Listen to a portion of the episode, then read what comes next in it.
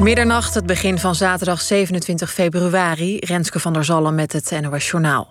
Er is opnieuw ruzie binnen de partij 50PLUS, blijkt uit een rondgang van Nieuwsuur. De gemoederen zouden zo hoog zijn opgelopen dat een WhatsApp-groep met daarin de tien kandidaten voor de Tweede Kamer is opgeheven. Meerdere partijleden zijn boos over uitspraken die lijsttrekker Liane de Haan deed in de media. Zo zei ze compromissen te willen sluiten over aanpassingen aan het pensioensysteem. Iets wat 50PLUS eerder beslist niet wilde en waar een deel van de achterban ook ontevreden mee is. Het rommelt al langer binnen de partij. Afgelopen voorjaar vertrok onder andere oud-partijleider Henk Krol vanwege interne ruzie. Justitie in Amerika heeft meer dan 300 mensen aangeklaagd... na de bestorming van het Capitool in Washington op 6 januari. De stormloop vond plaats na een toespraak van toenmalig president Trump in de buurt. Bij de rellen kwamen vijf mensen om het leven, onder wie een politieagent. CDA-lijsttrekker Hoekstra vindt dat politici niet mogen beloven dat er na de verkiezingen geen bezuinigingen komen. Demissionair premier en lijsttrekker van de VVD Rutte zegt dat hij verwacht dat die niet nodig zullen zijn. De minister van Financiën zei in het NOS Radio 1 lijsttrekkerdebat dat het een fabeltje is dat er niet wordt bezuinigd na de miljardensteun nu. In Thailand is een videomeeting gehouden met meer dan 200.000 deelnemers. Boeddhisten vierden vandaag Maha Puja, een belangrijke gedenkdag. Normaal komen er op deze dag honderdduizenden gelovigen bij elkaar in een tempel in Bangkok. Omdat dit vanwege corona nu niet kan, konden mensen via Zoom inbellen. Op een scherm van 280 meter lang waren alle deelnemers te zien. Het weer, het koelt vannacht af, de temperatuur ligt rond de nul en er ontstaat mist. Morgenochtend lost die op, daarna is het vrij zonnig, het wordt zo'n 10 graden. Waar de mist blijft hangen is de temperatuur een stuk lager. Dit was het NOS Journaal. NPO Radio 1. VPRO. Nooit meer slapen.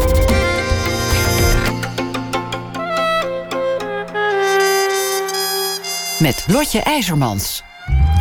Vanaf aanstaande maandag is de documentaire serie Het Zaad van Karbaat te zien op NPO 2. En ik zeg maar meteen, die moet je echt niet missen. Want het verhaal over de vruchtbaarheidsarts uit Barendrecht... die talloze vrouwen ongevraagd met zijn eigen zaad insemineerde... was al in het nieuws. Maar deze serie zoekt verder en geeft antwoorden op vragen als... wat was eigenlijk de motivatie van die karbaat... en wat voor sporen lieten zijn praktijken na bij de betrokken families. En daarmee raakt deze documentaire serie aan thema's als seksueel misbruik...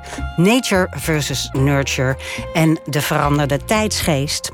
De maker van deze serie is mijn gast van vanavond, Mirjam Goedman. Goedman is 26 jaar oud, studeerde in 2018 af aan de Filmacademie... met een examenfilm die overal in de prijzen viel, ook over Jan Karbaat. Maar die film was maar 20 minuten en ze was nog lang niet klaar met dit onderwerp. Dus vandaar. Het zaad van Karbaat ging een paar weken geleden als Seeds of the Seed in première op het prestigieuze Sundance Film Festival in Amerika. En dat was vast niet alleen door het controversiële onderwerp, maar ook door de prachtige manier waarop Goodman het verhaal vertelt en in beeld brengt. Nou, Hartstikke leuk dat je er bent, Mirjam. Ja, dat vind ik ook. Dankjewel. Hoe kwam het verhaal van deze vrouwenarts op jouw pad? Bijna vier jaar geleden um, las ik een kort artikeltje in het AD. En dat was eigenlijk uh, gewoon de titel was al sjoemelende spermadokter mogelijk 19 donorkinderen. Toen was ik eigenlijk gelijk um, geïntrigeerd, gefascineerd. Mijn mond viel open en ik dacht, ik, ik moet hier meer over weten. En ik was eigenlijk gewoon meteen heel erg benieuwd hoe het iedereen had beïnvloed. En toen belde ik mijn oom, die uroloog was. En hij was toevallig had hij Korbaat gekend, persoonlijk. En hij zei, oh, maar dat was een hele vooruitstrevende man. En hij hielp ook lesbiennes en bommoeders. En het was echt een pionier in die tijd. En hij had een heel ingenieus kaartenbaksysteem... waar die donoren in archiveerde. En het was echt een man die zijn tijd vooruit was. Dus jouw oom, die, die, die kende hem en die was eigenlijk vol lof. Ja, vol lof. En ik vond dat zo interessant dat dat beeld totaal niet ruimde met het beeld wat ik van de media wat ik tot nu toe van, uh, van de media hoorde, dat ik, dat ik dacht, wow, dit is echt een complex figuur. Um, waar ik gewoon meer over wil weten. En toen was er een rechtszaak aangespannen tegen hem. En kort voor die rechtszaak overleed hij. En toen ben ik naar die rechtszaak gegaan. En daar heb ik eigenlijk de eerste moeders en kinderen ontmoet. Maar je was 22 op dat moment. ja. en je zat nog op de filmacademie Ja. en je dacht, ik ga gewoon naar die rechtszaak toe. Ja. Hoe werkt zoiets dan? Dan zit je Nou, daar op de publieke tribune. Eh, ja, het was een civiele zaak, maar het was ook, we hadden een soort van ontwikkelingsweek met de filmacademie. En een van mijn leraren zei ook van, maar wat is je plan B? En ik zei, en ik had wel een plan B, maar ik zei nee, ik wil geen plan B. Dit is het. Dit, dit, dit moet het zijn. En het was een civiele zaak. Dat ging toen uitzoeken. Ja, ik ging toen die rechtbank bellen en daar naartoe. En ehm, ik er was heel veel media aanwezig. Dus ik probeerde me echt te onderscheiden van die andere media. Door te zeggen van ik ga hier een jaar mee bezig zijn. Ik hoef niet nu je verhaal te horen. Ik wil gewoon heel graag je telefoonnummer. Mag ik een keer langskomen? En toen heb ik die hele zomer in de auto van mijn ouders ben rond gaan rijden door Nederland. En heb ik ja, iedereen gesproken die ik kon spreken hierover. En ehm, zo is het begonnen eigenlijk. Jeetje. Ja. Ehm, ja, wat enorme doortastendheid. Maar daar hebben we het straks nog wel over. Laten we beginnen met wat die Karbaat nou precies deed. Hè? Want er zijn wel wat feiten in het nieuws geweest. Maar toch, als je eh, jouw drieluik ziet, dan. Ja, je mond valt open gewoon. Wat vind jij het meest in het oog springend van wat hij deed? Hij heeft dus meer dan 60 vrouwen met zijn eigen zaad geïnsemineerd. Vrouwen met vruchtbaarheidsproblematiek. Die daar niet van afwisten dat het van hem was. Mm. Ja, ik vind, ik vind, ik vind het, ja, ik kan wel iets noemen, maar ik vind het, ik vind het gewoon vooral na vier jaar nog super interessant en ook gewoon best wel stuitend hoe één iemand zoveel impact kan hebben op zoveel levens tot op de dag van vandaag. Dus bijvoorbeeld Yvonne is de moeder van Joey en die kwam gewoon voor Een van de moeders Ja, die bij eh, hem kwam, hè? ja, een van de wensmoeders. En zij kwam gewoon om zwanger te worden van haar eigen man. En haar eigen man was bij de inseminaties. En ze hadden echt het gevoel van het gaat lukken. En nu. En hij was verminderd vruchtbaar. Ik bedoel, het ging niet, van, het ging niet vanzelf. Maar nu heeft zij één kind van Karbaat, Joey. één kind van een anonieme donor. En één kind van haar man. Dus ze heeft drie kinderen van drie donoren. En nou, zij het gaat gewoon, ja, zeg maar, bij haar zie je echt hoe sterk die invloed dus is geweest van hem. Ehm, tot op de dag van vandaag. En ik vind dat echt hartverscheurend eigenlijk. En ehm, dat, dat is eigenlijk mij zo bijgebleven. Ik heb een enorme groep mensen gevolgd. Wiens leven allemaal is veranderd door de Ja. acties van één iemand. Die eh Karbaat deed dus dat, hè? Dus eh, eh, mensen zijn eigen zaad geven terwijl ze o- om inseminatie van hun eigen echtgenoot vroegen of van een donor. Maar af en toe spoot hij ook water in. Ja. Waarom deed hij dat? Nou, ehm, hij spoot water in in plaats van sperma, zodat vrouwen niet zwanger zouden worden en zodat ze terug zouden komen voor nieuwe inseminaties. Dus echt vanuit financieel gewin. Ehm, ja, dus nee, dus ik heb zeker, er zitten, er zitten allemaal onthullingen in in de serie die, weet je, die je zal zien. En ehm, zoals dit en seksueel misbruik, wat vooral, ja, dat seksueel misbruik heeft me heel erg eh, geraakt. Want omdat, dat, dus buiten dat, hij wa- hij was heel vrijpostig in de manier waarop hij zijn patiënten behandelde, maar hij heeft ook echt verkracht. Ja, dus dat was super heftig om achter te komen. Omdat we leven natuurlijk heel erg in een MeToo-tijdperk. En dit is iemand die ook achter gesloten deuren misbruik heeft gemaakt van zijn machtpositie bij verschillende vrouwen. In een, waarin die, en die vrouwen zitten in een extreem afhankelijke positie. Konden niet een andere kant op. Het was niet alsof er tien karbaten in die tijd waren waar je ook kinderen kon krijgen. Er was nog geen IVF. Zeg maar, dit was gewoon de man waar je moest zijn als je ongewenst kinderloos was. En Ehm, het feit, ja, dus, dus het feit dat iemand dan misbruik maakt van zijn machtpositie achter gesloten deuren is gewoon, is gewoon heel heftig. En ook het feit dat die kinderwens zo vurig was dat ze het niet Ja. durfden te vertellen aan hun eigen mannen. Heel veel van de kinderen wisten het nog niet. Ja, dus heel veel vrouwen hebben eigenlijk dat zo- met een soort gelatenheid over zich heen laten komen, omdat ze zo ontzettend graag kinderen wilden. Ja. Kun jij je daar iets bij voorstellen? Ja, ik kan het alleen maar aannemen. Ik bedoel, ik, ik wil ook graag op een dag kinderen. En dit laat dus zien hoe, hoe groot die kinderwens is. En ik kan het me eigenlijk wel, ja, ik kan het me eigenlijk wel voorstellen. En als je ook nadenkt over gewoon alle eh MeToo-gevallen, wat die allemaal over zich heen hebben laten komen, omdat ze, weet ik veel, een carrière of een rol. Ja. Of ja, ik bedoel, een kind is toch. Ik, kan, ik, ik snap heel goed dat je dat heel graag eh, wil. Ja. En uh, hij was dus heel vooruitstrevend, uh, hielp lesbische vrouwen, bommoeders. En dat, en dat was in de rest van het land nog niet zo uh, heel erg gemakkelijk voor die vrouwen. Ja. Um, maar hij, hij, hij, hij, deed het dus eigenlijk alsof hij God was. Nou ja, ik wil dat niet zeggen. Ik wil, voor mij gaat het eigenlijk meer om consent. Dus hij heeft iets gedaan wat, ja. weet je wel, zonder dat. Instemming. Met, zonder instemming. Want vrouwen kwamen voor een anonieme donor. Er zeggen ook mensen van: het was geweldig zaad.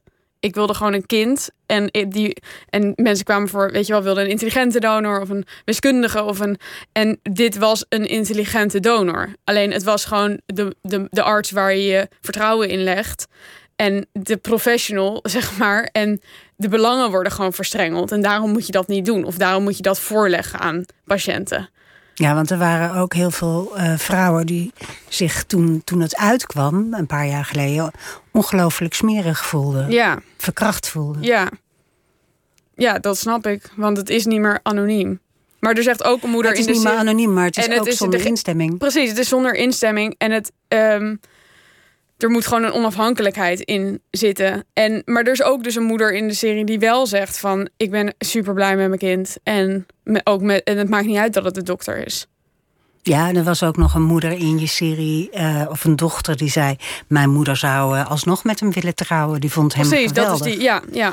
Dat, dat is heel apart Mhm. aan eh, de serie. Dat iedereen daar zo anders op reageert. Maar ook wel weer heel logisch. Want iedereen heeft zijn eigen motivaties en smaak. ja. Maar je kan eigenlijk vrij objectief zeggen dat eh Karbaat er wel een potje van maakte. Want hij deed dat ook met, met de donors. Die ging die niet aan een medisch onderzoek eh, onderwerpen of zo. Nee, terwijl dat wel werd beloofd. Dus, maar daar zitten ook twee kanten aan. Want ik bedoel, we zitten, leven nu in een tijd waar alles wordt gelabeld. Weet je wel, je hebt ADHD, je hebt eh, autisme, je hebt, weet je wel, je hebt een label voor, voor alles en alle subcategorieën. En toen natuurlijk nog niet. Dus er werd wel inderdaad gezegd, gewoon in die, in die folders van we, we screenen op medische eh, afwijkingen. En dat is niet gebeurd. Ehm, maar, voor, maar je kan je ook afvragen, ja, maar kon dat eigenlijk toen al in die tijd?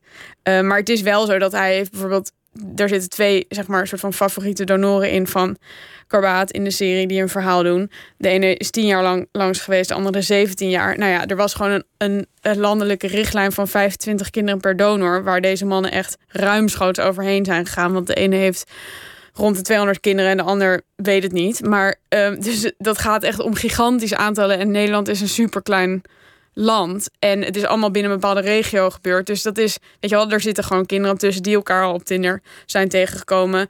Ehm, er zei ook iemand van. Je hebt initieel een klik met iemand omdat je DNA deelt. Wat dus ook heel gevaarlijk kan zijn in relatieopzicht. Ja, ja Omdat zeker. je dan liefde verward. Ehm, hoe kan het eigenlijk dat hij er zo lang mee wegkwam? Waarom Nou- heeft de inspectie eh, eh, niks, niks gemerkt? Nou, een voormalig medewerker heeft me gezegd van ja, hij was gewoon iemand die iedereen om de tuin kon leiden. Dus er kwam wel inspectie, maar dan ja, kon hij gewoon letterlijk iedereen ja, eromheen lullen en gewoon met een vriendelijk gezicht weer naar buiten laten en iedereen was blij. Eh, terwijl bijvoorbeeld de donorpaspoort van geen kant klopte, de hele administratie van geen kant klopte. Dus er waren echt wel dingen die je had, die ha- hadden kunnen opvallen. Er is ook een onderzoek geweest naar de administratie. En ja, daar hebben ze gewoon gezegd van dat is een amateur die eh, maar wat bij elkaar heeft geprutst. Ehm, maar ja, er was geen wetgeving. Dus er, sinds 2004 zijn donoren eh, niet meer anoniem. Maar voor 2004 was dat niet zo. Er was, in 92 is er zeg maar een A en B-loket eh, gekomen. Dus dat je kan kiezen voor anoniem of niet anoniem. Maar voor die tijd was het gewoon anoniem. Ehm, dus dat gaf een geweldige dekmantel voor hem en ook voor andere artsen in die tijd. Om gewoon te kunnen doen en laten wat ze wilden. Want zo, ja, die administratie, het was allemaal anoniem. Dus dat was gewoon, ja. Ehm, en eh, Eh, ja, want hij, hij rommelde ook met inderdaad die paspoorten. Hè? Hij, hij bleek bij een heleboel vrouwen of bij een heleboel donoren dezelfde termen te gebruiken van opgeruimd karakter of weet ik veel wat hij. Hij Ja. verzon gewoon maar wat. Hij verzon het, ja. Ja, dus bijvoorbeeld één donor zegt van... dat er dan in zijn donorpaspoort stond bankdirecteur... heeft een gezin. Nou, dat was gewoon een administratief medewerker zonder gezin. Weet je wel? Echt gewoon, het was echt het klopte gewoon helemaal niet. Nee. Maar er was dus geen wetgeving en er was geen centrale registratie. Dus daarom heeft ook een van de donoren die in de serie zit, Louis, is 17 jaar lang bij drie klinieken kunnen langsgaan. Um, omdat ja, niemand wist van elkaar of de donor ook naar die andere kliniek ging. En het is ook belangrijk om te noemen dat dat nu niet heel veel beter is. Dus er is nu wel, er mogen, donoren mogen 12 kinderen um, max. Maar is nog heel veel, 12. Ja, het is wel beter dan 25. Ja, ehm, maar, maar, maar donoren kunnen nog steeds naar verschillende klinieken gaan en ze kunnen nog steeds internationaal doneren. En er is nog steeds geen goede centrale registratie. Dus dat moet echt aangepakt worden. En ook in de hele privésector. Er is ook nog een verhaal twee weken geleden geweest van een man die, weet je wel, via het internet 250 kinderen heeft kunnen uh, verwekken. Pardon, dat heb ik gemist. Nee, een, een nee, niet sorry. Nee, de contact heeft gemaakt met vrouwen en privé, zeg maar, heeft gedoneerd. Dus helemaal buiten klinieken om. Dus er zijn gewoon ja, blijkbaar mannen met dit soort wensen. Ja, dat is ook een van de karakters in, in, in jouw film. Die heeft echt de wens om zoveel mogelijk kinderen op de wereld te zetten. Kun je hem beschrijven? Ja, ik vind hem. Ik vind het. Ik vind het dus een hele. Eigenlijk een hele sympathieke, lieve en ook een beetje sneu. Maar vooral, ik vind het dus wel een sympathieke motivatie. Dat hij wilde gewoon niet vergeten worden. Dus hij wilde herinnerd blijven. En dat is iets waar ik me eigenlijk zelf heel erg tot kan verhouden. En waarvan ik denk dat we dat allemaal wel willen we willen er allemaal toe doen en niet zo snel vergeten worden. En hij wilde heel graag een, als hij, uh, ja, een begrafeniszaal vol met zijn nazaten. Maar hij had, geen, hij had een lichte autistische stoornis. Zeker, ja. En daardoor was hij niet zo goed in staat om een relatie te hebben. Ja. Dus dacht hij, nou dan heb ik geen gezin. Maar dan ga ik gewoon zoveel mogelijk kinderen. Dat was echt zijn doel, zoveel mogelijk Ja, en het is hem gelukt. Hoeveel kinderen heeft hij gekregen? Nou, hij heeft het uitgerekend, want hij is dus 17 jaar lang naar drie klinieken gegaan, drie keer per week op zijn fiets. En um, ja, hij moet wel rond de 200 kinderen hebben. Waanzinnig. Ja. Hoe, hoe is het? Um, nou ja, ik wil, ik wil toch nog even uh, weten. Want uh, in, in, in jouw uh, film zegt ook iemand van ja, maar als je de MeToo-normen, dus post-MeToo-normen op het heleboel artsen uit die tijd zou leggen, dan overleefde de helft het niet. Ja. Dus het is natuurlijk ook heel erg een, een, een, een uh, tijdgeest-ding. Ja, ik ben natuurlijk echt een kind van deze tijd. Maar als ik met iedereen die ik heb gesproken, weet je, artsen stonden echt op een voetstuk. Het was echt ja en amen. Ja, dokter, nee, dokter. Oké, dokter. Weet je wel? Dus um, nu ga je, als je een symptoom hebt, dan google je het en dan ga je naar de dokter en zeg ik denk dat ik kanker heb of ik denk dat ik dit heb, toch? Dacht maar, je hebt, er is veel meer een soort van uh, gelijkwaardigheid in een patiënt-artsrol, denk ik. Um, ja, en er is gewoon MeToo gekomen voor een reden. Dus zeg maar, we zijn ons nu bewust van machtsposities en machtsmisbruik. En we laten dat niet meer toe. En we hebben ons massaal uitgesproken. Uh, deed hij ook goede dingen, die, die Karbaat? Wat, wat vind jij eigenlijk? Want je hebt vier jaar van je uh, leven gespendeerd aan die man. Ja. En uh, je, je, hebt alles overzien wat hij gedaan heeft. Wat, wat is jouw oordeel eigenlijk? Nou, ik vind het dus niet zo interessant. En ook niet, nog steeds. Ik bedoel, tuurlijk, ik heb vier jaar van, van mijn leven met over deze man nagedacht. Ik heb over hem gedroomd. Ik heb, ja, hij heeft echt mijn hele leven bezeten. Maar. Uh, nou, dat is nogal wat. Ja, nou, ja. zeker wel. Uh, maar um, ik heb hem nooit geïnterviewd. Ik heb hem nooit meer kunnen ontmoeten. Ik heb het moeten doen met archiefmateriaal en met het ontmoeten van zijn kinderen. Waar, waar aan de hand waarvan ik. En nou, natuurlijk. En ik heb allemaal mensen gesproken die hem wel hebben gekend. Maar um, ik vind het dus veel interessanter om te laten zien zeg maar, door de serie is opgedeeld in drie delen. En het zijn eigenlijk drie perspectieven. Dus de eerste aflevering is de ouders. En de tweede aflevering zijn de kinderen. En de derde aflevering zijn de donoren. En ik vind het heel interessant hoe verschillend zij allemaal naar deze zaak kijken.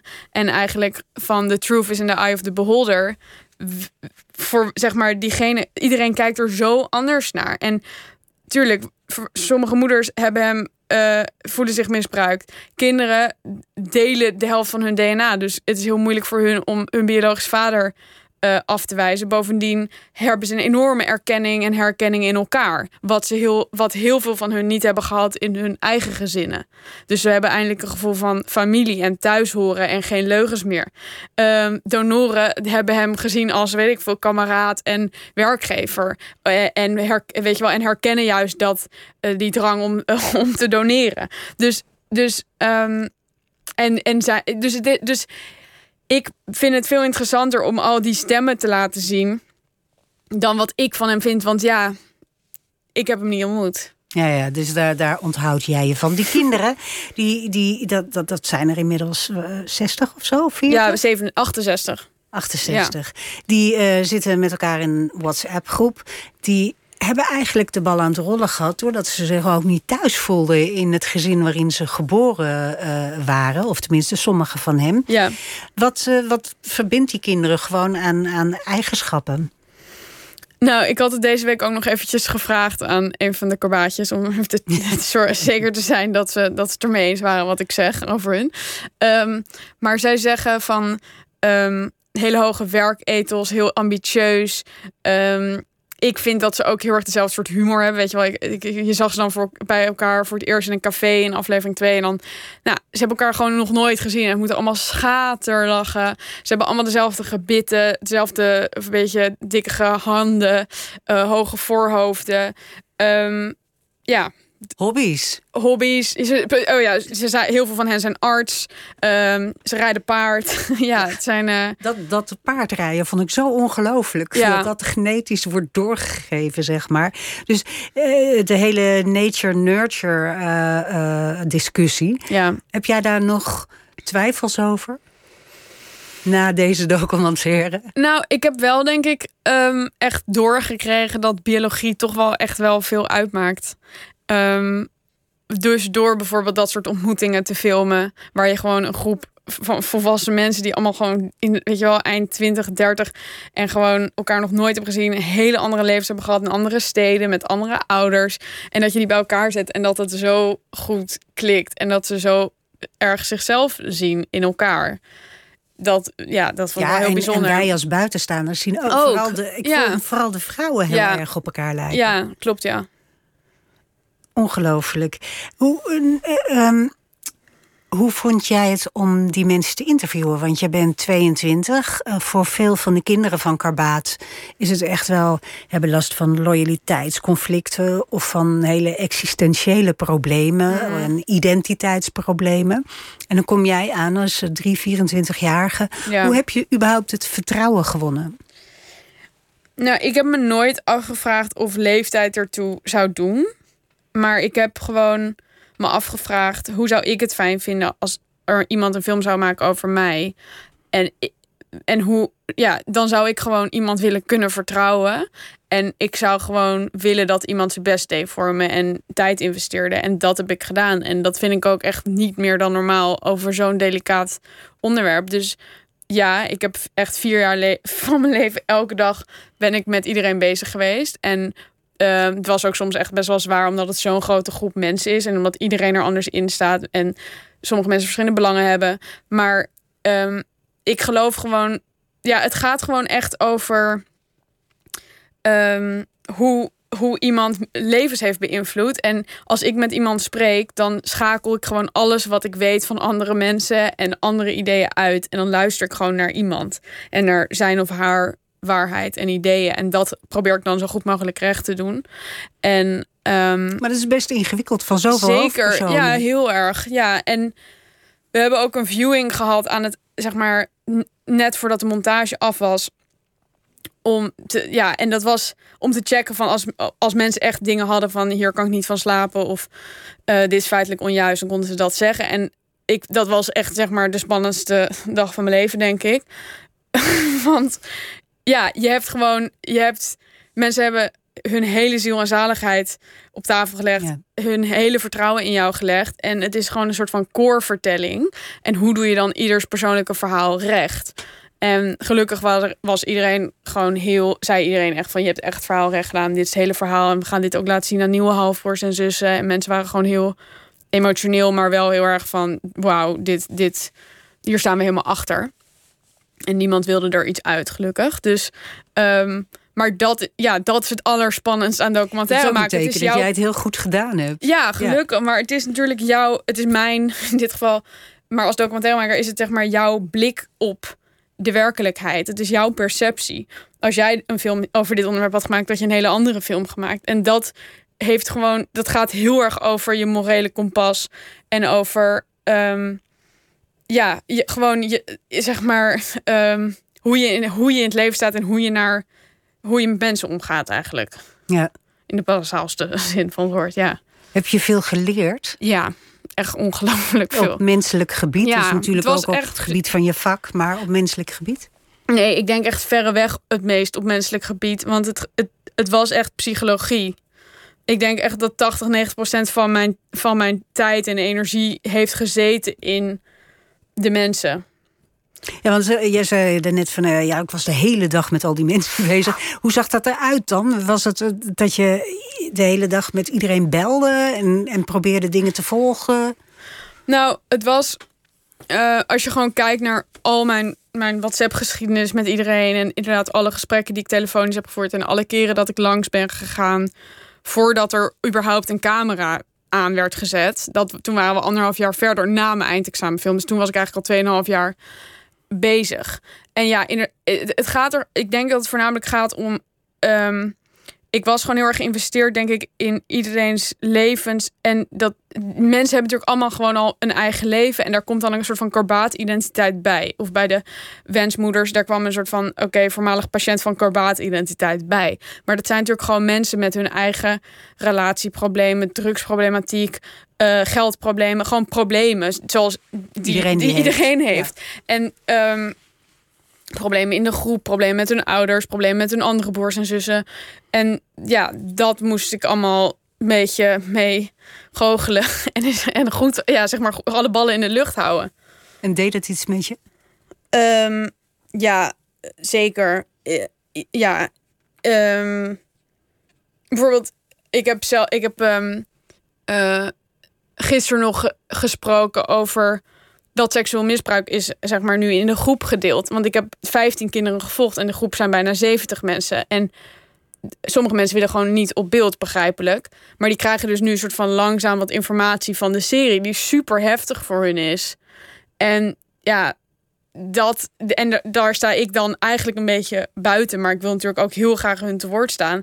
Maar dat is zulke delicate informatie die zeg maar over hun vader, biologisch vader, verwekker wordt gedeeld. Ja wat gewoon maandag de wereld ingaat. Um, ja, dat, dat is wel.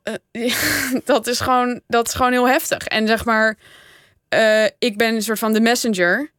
Um, en ik heb heel erg soms geworsteld met. Oké, ik heb bepaalde informatie die gewoon belicht moet worden en die daar naar buiten moet. Maar aan de andere kant ga ik deze mensen meer pijn doen hiermee? En moeten ze hun beeld weer bijstellen over hun vader? Ja. Nadat ze al, al die shit al op hun bordje hebben gehad. Super heftig. Ja.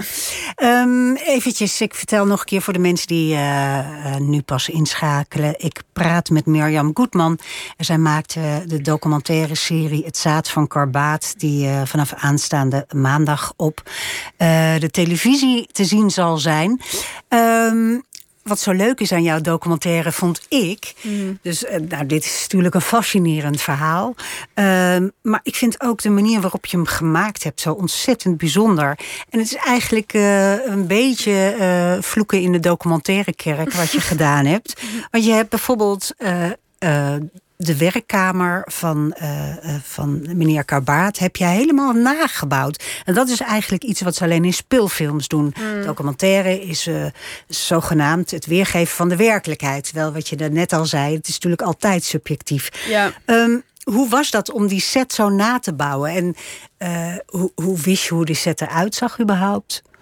Nou, ik heb, ik heb echt met een fenomenale crew gewerkt. Dus dat, uh, ik heb, uh, en ik heb met het merendeel van mijn crew van mijn eindexamenfilm deze serie gemaakt. En dat is echt, dat moet echt niet onderschat worden. Zeg maar, ik heb dan een idee of een gestoord idee. En dan kijk ik een heel lief team aan die dan zeggen: hmm. Oké, daar gaan we. En dan gaan zij het doen. Zeg maar. En ik had een geweldige production designer, Luca Hoogendijk, die ehm, met mij dat hele archief heeft doorgespit. En gewoon allemaal elementen daaruit heeft gehaald. Zoals die eendebek en dat lampje. En dingen in zijn werkkamer, foto's. En gewoon dat hebben we zo goed mogelijk geprobeerd na te maken. Ehm, en ik denk dat, want ik heb het wel vaker al gehoord van vloeken in de documentaire kerk. Ik ben denk ik wel transparant over het is een nagebouwde set. Dat is gewoon, daar wordt gewoon heel, dat is gewoon heel, wordt er eerlijk zeg maar verteld. Ehm, en het, en uh, ik geloof gewoon heel erg dat, dat bij documentaire um, je net zo goed als bij fictie de kijker echt het verhaal moet intrekken. En ook echt door de vorm. En ook dat je fictieve elementen juist heel goed kan inzetten voor storytelling. En ik kijk je ziet zelf... dat ook nu steeds meer hè, in Ja. documentaires. Ook in series als Schuldig Ja. en Klasse. Ja. Daar wordt ook volgens dramatische wetten eigenlijk een verhaal verteld. Ja, zeker. Ehm, en ik vond Klasse bijvoorbeeld ook een hele... Ja, ik bedoel, toen was mijn serie al af. Maar ook een hele inspirerende film weer voor, voor nieuwe films van mij. Van hoe je dus inderdaad zo'n... Gewoon, eh, ik weet even niet meer hoe- hoeveel afleveringen. Maar zoveel, af, Zes of zo, ja, ja. ja, zoveel afleveringen eh, dramaturgisch spannend houdt. En wij kijken allemaal, denk ik... ehm, nou ja, ik kijk in ieder geval de, de, Netflix en de Hulu's en de HBO's. En, ehm, en ik vind het gewoon heel interessant om met dat hybride veld te werken. En om zoveel mogelijk... Ik lag dan echt in mijn bed en dan dacht ik van... Oké, hoe kan ik... Hoe kan ik die kliniek visueel interessant maken? Of hoe kan ik bijvoorbeeld... er- Je ziet karbaat in archief met kippen in de weer. En dan... Ja, dat moeten we, moeten we even goed vertellen. Ja, doe jij dat? Ja, jij kan het beter. Vertel. Ja. Ik kan het helemaal niet Jawel. weten. Maar dat is, nou ja, daar, was ik zo eh, ontzettend weg van. Want op een gegeven moment zie je een kip in die wachtkamer. En dan denk je, oké, een kip in de wachtkamer, het zal wel. Maar een tijdje later zie je Karbaat op archiefbeeld eieren rapen. En eh, hij... eh Bewaard zaad ja, in jij, eigeel. het is jouw film. Ja, nee, nee, nee. Maar ik dacht van, eh, ja, ehm, ja, dus hij, dus, dus zoiets vond ik een super mooi. Nee, nee, nee, we moeten ja. nog oh, sorry, vertellen, want de sorry, mensen hebben het nog niet gezien. Sorry, ja. Dus hij breekt een eitje Ja, en hij eh, zuigt met een, eh, met een injectienaald een beetje doorjaar uit dat eitje. Ja. En daar, hij zegt, ja, kijk, daar doen we het sperma bij en dat is prima in te vriezen. En vervolgens, of vlak daarvoor of vlak daarna, zie je de kip in die wachtkamer, die legt een ei. Ja, Ja. Het is gewoon, als ik het nu vertel, is het heel plat. Ja. Maar in de film is het helemaal niet plat. En Ja. heel geestig. En eh, de, eh, ja, eh, gewoon verbeelding van Ja. dat wat er gebeurd is. ja, ja. Ja, dus, dus zoiets. Dan lag ik in bed en dan, dacht ik, dan ging ik daarover nadenken van hoe je, hoe je dingen uit het verleden nog kan verbeelden, zodat je er echt als kijker bij kan zijn. En ook dingen die dus achter gesloten deuren zijn gebeurd, hoe pijnlijk ook, hoe kan je dat verbeelden, zodat je gewoon ziet wat de impact is geweest. Ja, en een van de, van de hè, want die set heb je niet zomaar nagebouwd omdat je dan leuke shotjes kon maken. Dat was heel erg belangrijk, omdat die moeders dan konden herbeleven Ja. Wat ze mee hadden gemaakt. En hoe ging dat? Ja, ik had The Act of Killing gezien van Joshua Oppenheimer. En dat is een documentaire die in Indonesië afspeelt. En dat gaat over ehm, een miljoen communisten of vermeende communisten zijn daar vermoord. En alle moordenaars liepen daar nog vrij rond. Ja, en dus die- in de jaren 65, 66 ja, gebeurd. precies. Ja. En die regisseur die zoekt die moordenaars op en die zegt van... laat maar zien wat jullie hebben gedaan. Hoe hebben jullie die mensen vermoord? En het zijn mannen die door een emo- enorme emotionele boog gaan door die documentaire heen. Omdat ze realiseren door het nabeleven van wat ze hebben gedaan of te herspelen, Naspelen. Wat ze, ja, gewoon wat ze hebben gedaan. En de, de hoofdpersoon gaat echt door berouw en die moet aan het eind overgeven van de nare moorden die hij heeft gepleegd. Nou, dat zijn moordenaars, dit zijn slachtoffers. Maar ehm, ja, het, was, het idee is eigenlijk gewoon is tweeledig. Want enerzijds wil ik echt voor de kijker dat je er dus echt bij kan zijn. En anderzijds wilde ik heel graag dat zij het herbeleefde. Ehm, om, ja, zij wilden allemaal dit wel echt graag naar buiten brengen. En ik heb het gewoon heel goed met, van tevoren met hun overlegd. Ik bedoel, je doet niet een deur open en dan is die kamer daar. Ja. Dus je hebt er gewoon gesprekken over van tevoren. En er wilde ook één moeder dat niet doen, dus dan doe je dat uiteraard niet. Ehm, en ja, zo, zo, zo hebben we het gedaan. En, en je merkt dus dat het is een kamer die is nagebouwd op een compleet andere plek dan de echte kliniek. Het is ook niet identiek, maar het lijkt er wel op. En het, het roept gewoon hele sterke emoties op naar boven.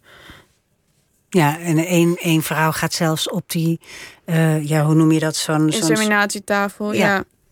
ja. verschillende. En, en, en één moeder preekt eigenlijk zodra ze gewoon binnenkomt en die elementen herkent. Um, ja. Maar ze vonden het prima om dat te doen. Nou, prima. Ze vonden het echt wel zwaar. En we hebben er ook over nagepraat. En, maar er heeft ook echt de moeder me heel erg bedankt. En dat er juist heel erg heeft geholpen in haar proces. Um, en ze begrepen allemaal wel. Ik bedoel, ik vind het gewoon heel belangrijk dat je weet wat iemands motivatie is om mee te doen aan een documentaire. En dat ik daar, dat ook begrijp en zeg maar bij kan. En um, ze begrepen gewoon wel allemaal heel goed het doel. En ik had ook mijn eindexamenfilm gemaakt waar ik dit ook al had uitgeprobeerd. En dat hadden ze allemaal gezien. Dus ze wisten gewoon wel heel goed de, de type en stijl documentaire waar ze aan mee gingen doen. En um, een ander ding wat in je documentaire zit, is archiefmateriaal. Mm, ja. uh, echt best wel super gaaf archiefmateriaal. Hoe kwam je daaraan? Ja, van echt een geweldige regisseur, Ditke Mensink. En zij is super gul en lief geweest in het delen. Zij, ik ben naar haar toe gegaan en ze zei echt, neem alles, gebruik het. Een hele goede uh, gelauwerde documentaire regisseur. Ja. ja. En uh, zij heeft in de, in de jaren negentig een documentaire gemaakt, Zwart Zaad, over Karbaat. En uh, die dat ging over dat hij heel veel buitenlandse donoren gebruikte. Maar het was ook een beetje een wervingsfilm voor meer donoren. Um, dus bijvoorbeeld als je een Indiaanse donor wilde, dan kon dat. Nou, daar ging die film over. En je ziet hem ja, um, nou ja, je ziet hem bijvoorbeeld een donor rond. je ziet dat hij een donor rondleidt in een donor aftrekkamertje van. Dus je ziet gewoon echt het tv'tje waar de porno op is en de potjes en de. Um, ja, en hier kan je even je handen wassen en uh, dan kan je hier een telefoonnummer bellen en dan komt er een dame met koffie. Zeg maar, dat is gewoon uh, de, de, het. Uh, ja, je bent. Dat is het ritueel. Dat is het ritueel. En, en het is gewoon. Ja, het is gewoon geweldig dat dat materiaal bestaat. Want daardoor kan je gewoon en de tijdgeest zien. Ja. En je kan gewoon echt een beeld vormen van hem. Ja, dat. En jij gebruikt dat. Uh, uh, hij zit dan een kopje koffie te roeren. En het volgende shot is eigen tijds. Dat heb jij gemaakt. Namelijk een een topshot van die koffie. Ja. En dat je die melk zo door die zwarte koffie ziet. Wat ook weer natuurlijk aan dat sperma doet. Denk, nou ja, het is allemaal geweldig. Ik ben uh, echt super enthousiast. Dankjewel. Andere film die, ja, je moet altijd een beetje kritisch zijn. Maar ik kan echt niks bedenken. Ik vind het echt een meesterlijke uh, uh, drieluik. Nou, wat fijn. Um, hoe, hoe, hoe, waren de reacties in Amerika in het Sundance Festival? Ja, heel goed. Echt superleuk. Um, ik heb heel veel mooie recensies gekregen gekregen en privéberichtjes via Instagram en ook van andere donorkinderen en zo in, in Amerika die, die het heel herkenbaar vonden. Ja, sorry. Ja. ja, want dat moeten we nog even zeggen. Ja. Dat uh, oh, ja. Karbaat was niet alleen, hè? Nee, oh ja, ja. Ja, dus um, spoiler alert, maar nee, Karbaat was niet de enige arts die dit heeft gedaan. Dus dit is uh, wereldwijd gebeurd. En we leven natuurlijk nu in een tijd waar DNA-testen steeds populairder worden. En waar je gewoon een DNA-test voor je verjaardag krijgt. Of ik voor, voor kerst of zelf bestelt.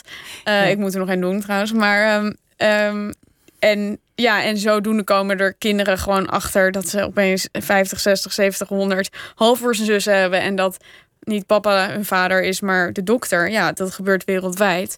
Um, en ook voor die andere doktoren heeft gegeld van uh, oké, er was gewoon anonimiteit en dat gaf hun een geweldige dekmantel. Ja. Maar ik ben even je, je vraag. Ja, ik vroeg uh, hoe er in Sundance uh, gereageerd oh, was. Ja, ja, nou, dus dat kwam best, of dat kwam voor Sundance, of dus voor Amerikanen kwam het ook best wel dichtbij. Want je ziet allemaal Amerikaanse dokters in de, in de serie die hetzelfde hebben gedaan. Um, dus dat was, dat was heel erg de, de, reactie, de reactie van het publiek daar ook. Van, uh, oh shit. ja. Ben je erheen geweest? Nee, nee, het was echt. Uh, ik was een avatar poppetje in een virtual oh. bar uh, in, mijn, in mijn woonkamer. Maar, vanwege corona. Ja, vanwege corona. Ja. Uh, laten we het eens even hebben over hoe, hoe het zo gekomen is dat jij documentairemaker werd. Wat voor, wat voor gezin kom je uit? Mm. Nou, twee hele lieve ouders en een heel leuk zusje. Ja, echt een hecht gezin. Mag echt ben geprivilegeerd in, in, de, ja, in die zin heel erg. Je ziet, uh, je bent uh, opgegroeid in Amsterdam. Hè? Ja. Je vader heeft een uh, bedrijf in rondvaartboten. Had hij, ja. Dus verkocht. Hij. Ja, hij heeft het Light Festival opgezet. Ja. Ja. het Amsterdam Light Festival... waar je zo rond eh, de kerstdagen altijd eh, eh, op de grachten... en op punten in Amsterdam prachtig eh, licht kunst ziet. Ja. Ehm, maar wa- waardoor kwam je eigenlijk op het idee... dat je naar de filmacademie moest gaan? Mm, ik was heel erg geïnteresseerd in fotografie. En ik had een serie gemaakt in het laatste jaar van mijn middelbare school van Parleus. eh van eigenlijk vrienden en mensen uit mijn jaarlaag die een ouder hadden verloren of twee ouders. En dat, ja, dat gebeurde gewoon heel veel om me heen. En ik vond het super heftig. En ik, ja, ik lag daar gewoon een beetje wakker van. En toen dacht ik, oké, misschien moet ik er een fotoserie over maken. En toen heb ik, men, ja, toen heb ik die mensen allemaal in het, letterlijk in het fietsenhok van mijn ouders eh, gefotografeerd. En ook laten terugkomen. Omdat ik Wa- dan- waarom in het fietsenhok van ja, daar was dan het mooiste, daar was het mooiste lichtval. Dus dan- en de meest rustige achtergrond. Ehm, maar en die serie was toen in het trouw gekomen, heel groot. En toen. ehm, en. Nou, nee, sorry. Ik had toen gesprekken met ze tijdens die fotoshoots. Waarvan ik dacht, wow, dat waren zulke bijzondere, intieme gesprekken. En eigenlijk is niemand daar nu getuige van geweest.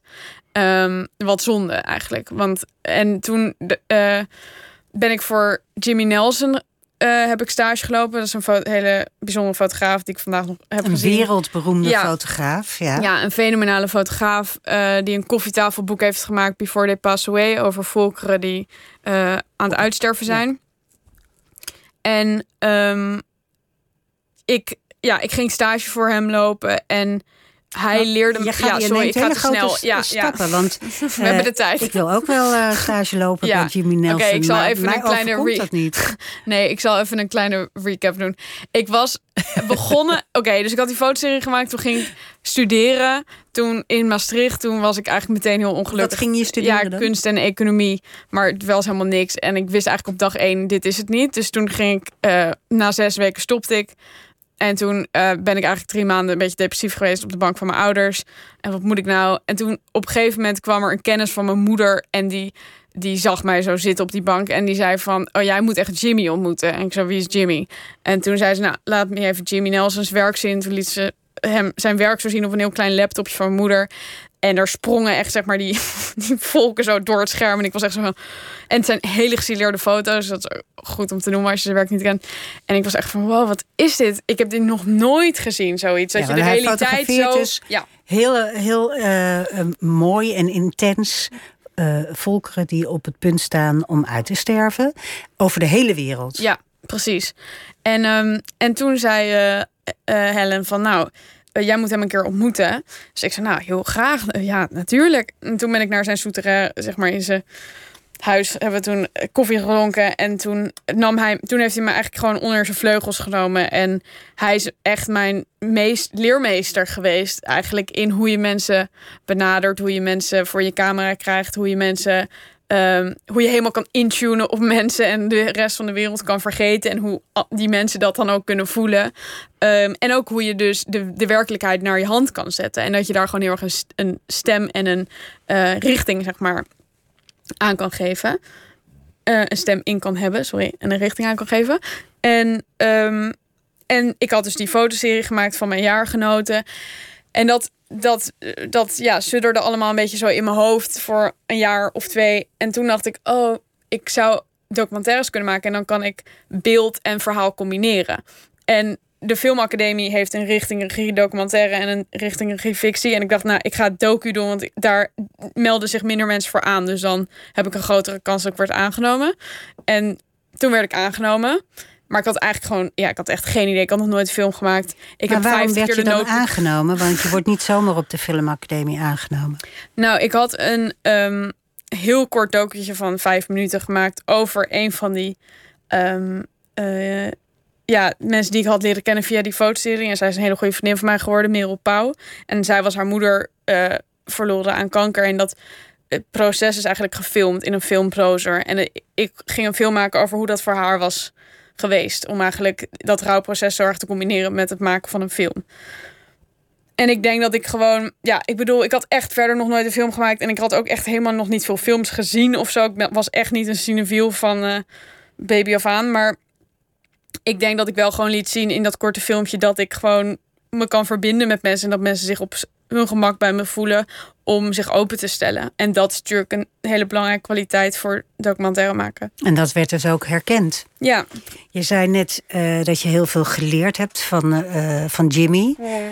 van de wereldberoemde fotograaf. Maar uh, jij gaat met hele grote stappen, dus ik ga telkens eventjes terug. Ja, goed zo. waarom, waarom dacht hij van ja, ik, die, die meid van, van 17, 18, ja. die neem ik uh, mee in mijn leven. En die mag bij mij stage komen lopen. Wat, wat, wat verbond jullie?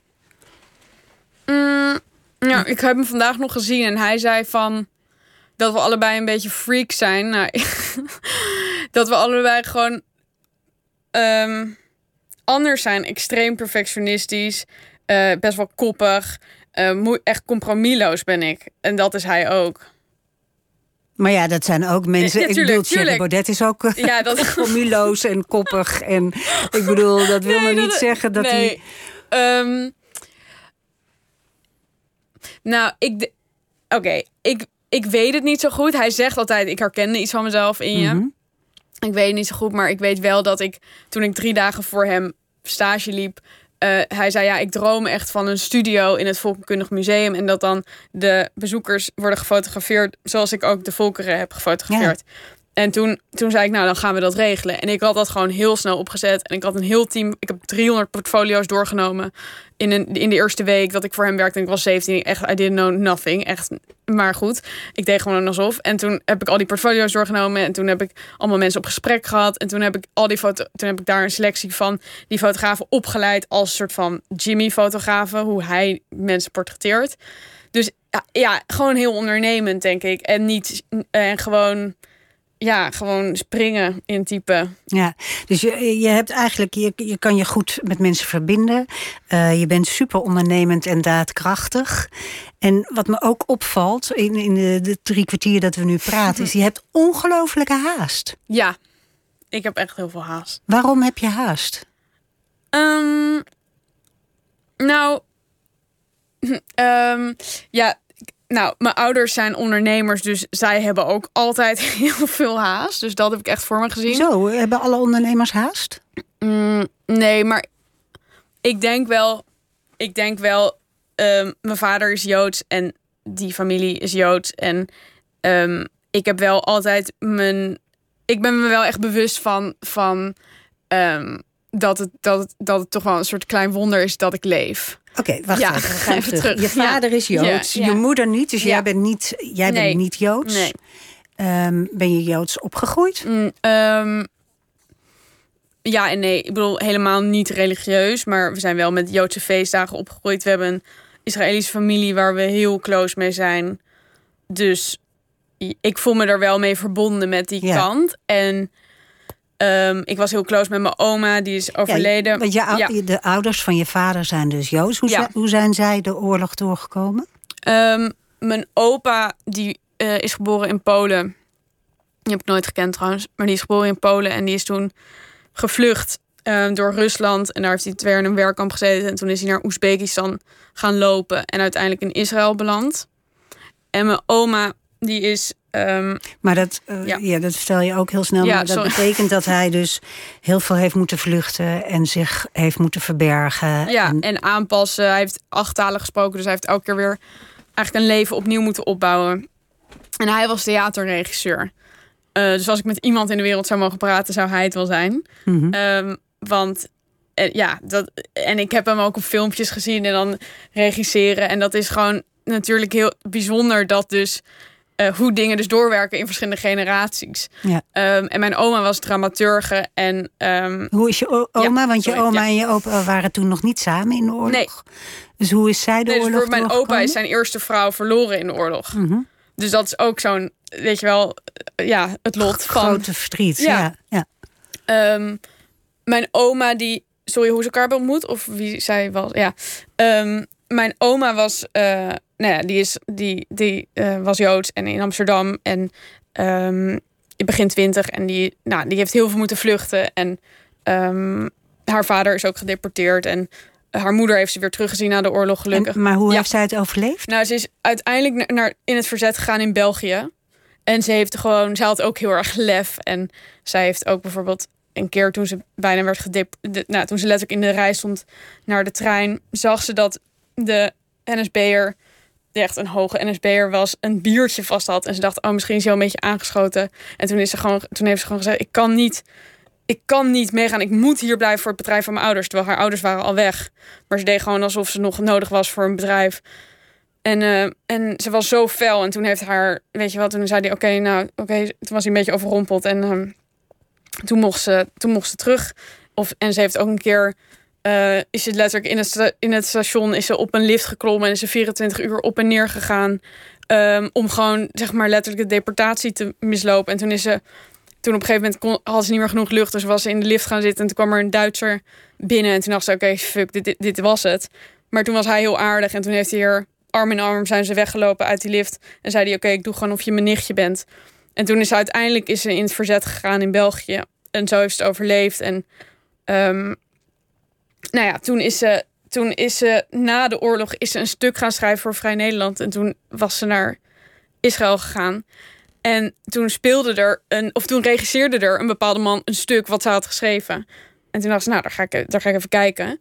En toen moest hij heel hard lachen, blijkbaar, toen hij haar zag. Want ehm, hij dacht dat het een cynisch oud mannetje was die dat stuk had geschreven. en is zo'n jonge, mooie vrouw. Dit is echt hoe oma Ja. vertelt. Ja. En, ehm, en toen hadden ze na zes weken besloten om te gaan trouwen. Want het, ja, het klikte gewoon heel erg. En theater was iets wat hun heel erg verbond. Ehm, en ja, zo, zo geschieden. En toen kon mijn oma slecht tegen het klimaat daar, gewoon tegen het weer. Dus toen is ze na een jaar zijn ze naar Nederland verhuisd. Moest mijn opa weer Nederlands leren. Of Weer dus weer, andere een, weer een taal, andere ja. taal. En eh, toen hebben ze een theatergezelschap opgezet. En hij was bijvoorbeeld de eerste die Anne Frank op de plank gebracht in Europa. Echt vlak na de oorlog, toen het super gevoelig was. En de mensen helemaal niet konden klappen, omdat ze zo in shock waren daarna. Ehm, dus ja, ik heb wel echt.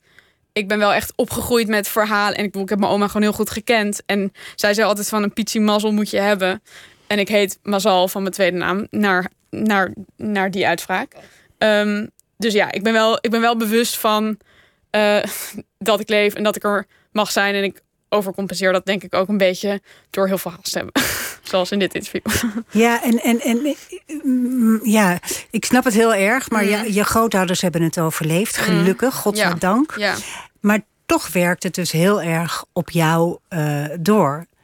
Ja, ik denk wel ook echt door hun karakters en mijn vaders karakter en mijn moeders karakter en mijn zusje. Zeg maar, we zijn gewoon een extreem ondernemend ehm, gezin. Maar ik denk wel dat ik echt wel, ja, ik ben wel echt grootgebracht met dat het gewoon niet voor. Ik heb niet mijn leven voor granted genomen. Ja. Maar jij, ehm, eigenlijk eh, is jouw eigen leven dus ook getekend door je voorouders. Net als het leven van de kinderen van Karbaat nu ja, ik denk wel achteraf gezien, zeg maar, omdat ik ook nu al die interviews geef en mezelf moet psychologiseren, dat ik denk van ja, dat is wel een lijn die ik herken. En ik vind gewoon, ik wil altijd dingen maken over identiteit en familie. Dus dat is denk ik wel een terugkerend thema. En identiteit, is, heeft dat dan ook met je grootouders te maken, denk je? Ja, denk het wel. Ja, denk het In wel. welk opzicht? Mm.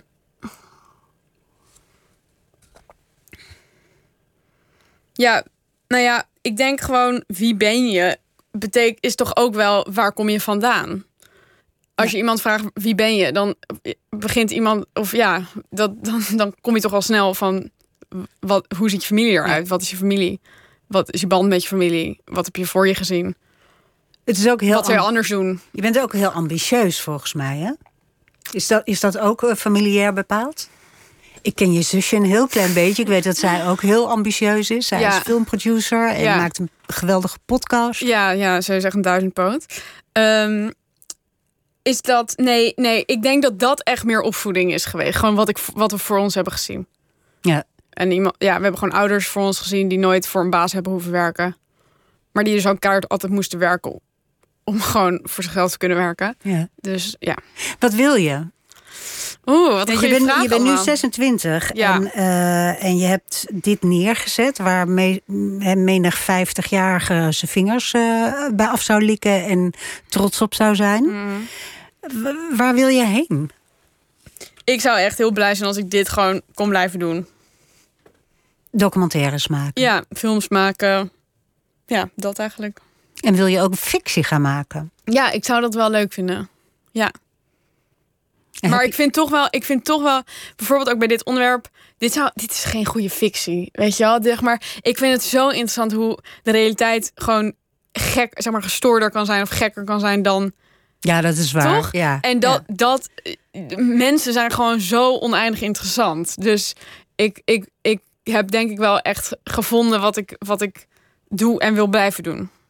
En uh, hoe zit het met het hele, uh, uh, zeg maar, controversiële tussen aanhalingstekens deel van je documentaire? Hè? Dus dat je die, die, die drama-elementen toepast. Word je dat in dank afgenomen? Heb je daar al dingen over gehoord? Ja, ik gaf een les op de filmacademie en, en de moderator was een, een docent van nou, iets oudere leeftijd dan ik. En die, die, vond, die zei echt van, uh, dit is niet documentair. Hij vond het wel heel goed. Hij zei wel dat zijn mond open viel en dat hij gewoon aan één stuk had gekeken. Maar hij zei wel van, um, van dit, dit had nooit gekund in onze tijd, bijvoorbeeld. Nee, want ik weet bijvoorbeeld, uh, nou, wat was het, uh, 2002 of zo, was er een, een controverse rond Hani Abu Assad.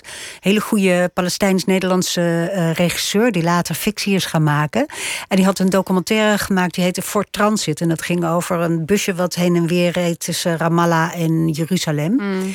En um, dat was een geweldige documentaire. Alleen mm. bleek dat de helft gescript was oh, en uh, door acteurs uh, oh, gespeeld shit. werd. Ja. Dus dat was een drama en die film werd teruggetrokken. En, ja.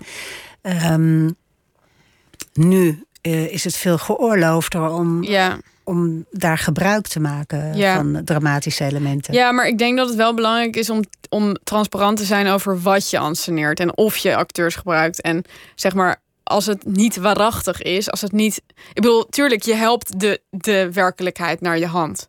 Dus ook dat bijvoorbeeld. Doet iedere documentaire dat doet, ja, dat, ja, ja, iedere goede documentairemaker wel, denk ik. Ja, als je achter iemand aan gaat rennen met een camera, dan succes. Dan heb je echt geen film.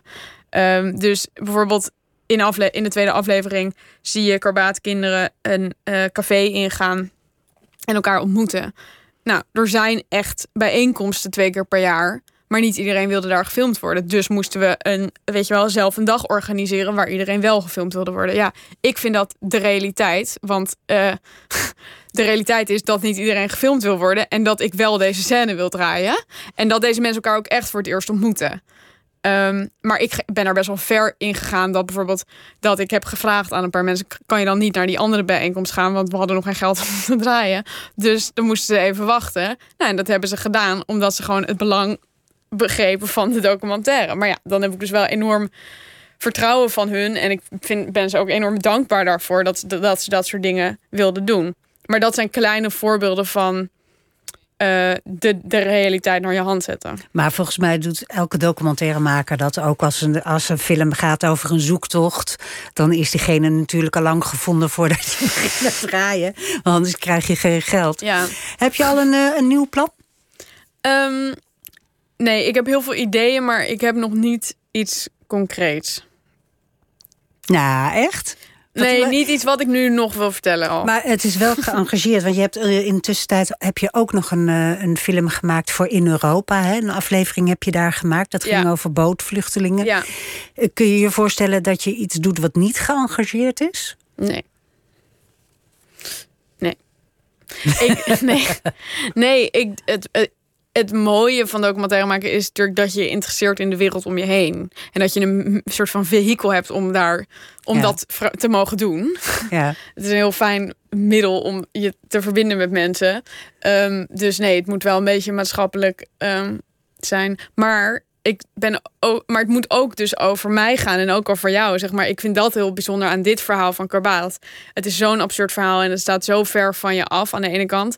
Maar we zijn allemaal een kind van iemand.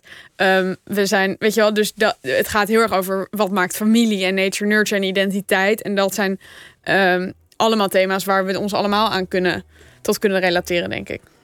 Nou, dankjewel. Ik, ik vond het superleuk dat je er was, Mirjam Goedman. Ik hoop uh, dat, uh, dat we nog veel films van jou mogen gaan bekijken. Het Zaad van Karbaat is aanstaande maandag op uh, NPO 2, dus gaat dat zien. Maandag praat Pieter van der Wielen met schrijver en journalist Twan Heijmans over zijn nieuwe boek Zuurstofschuld. Zo direct op deze zender Vink met Vincent, Stan en Misha.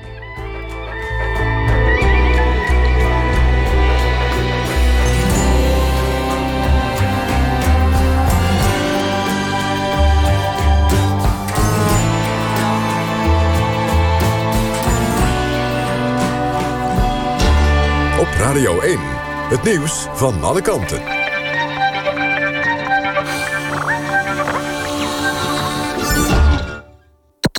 NPO Radio 1.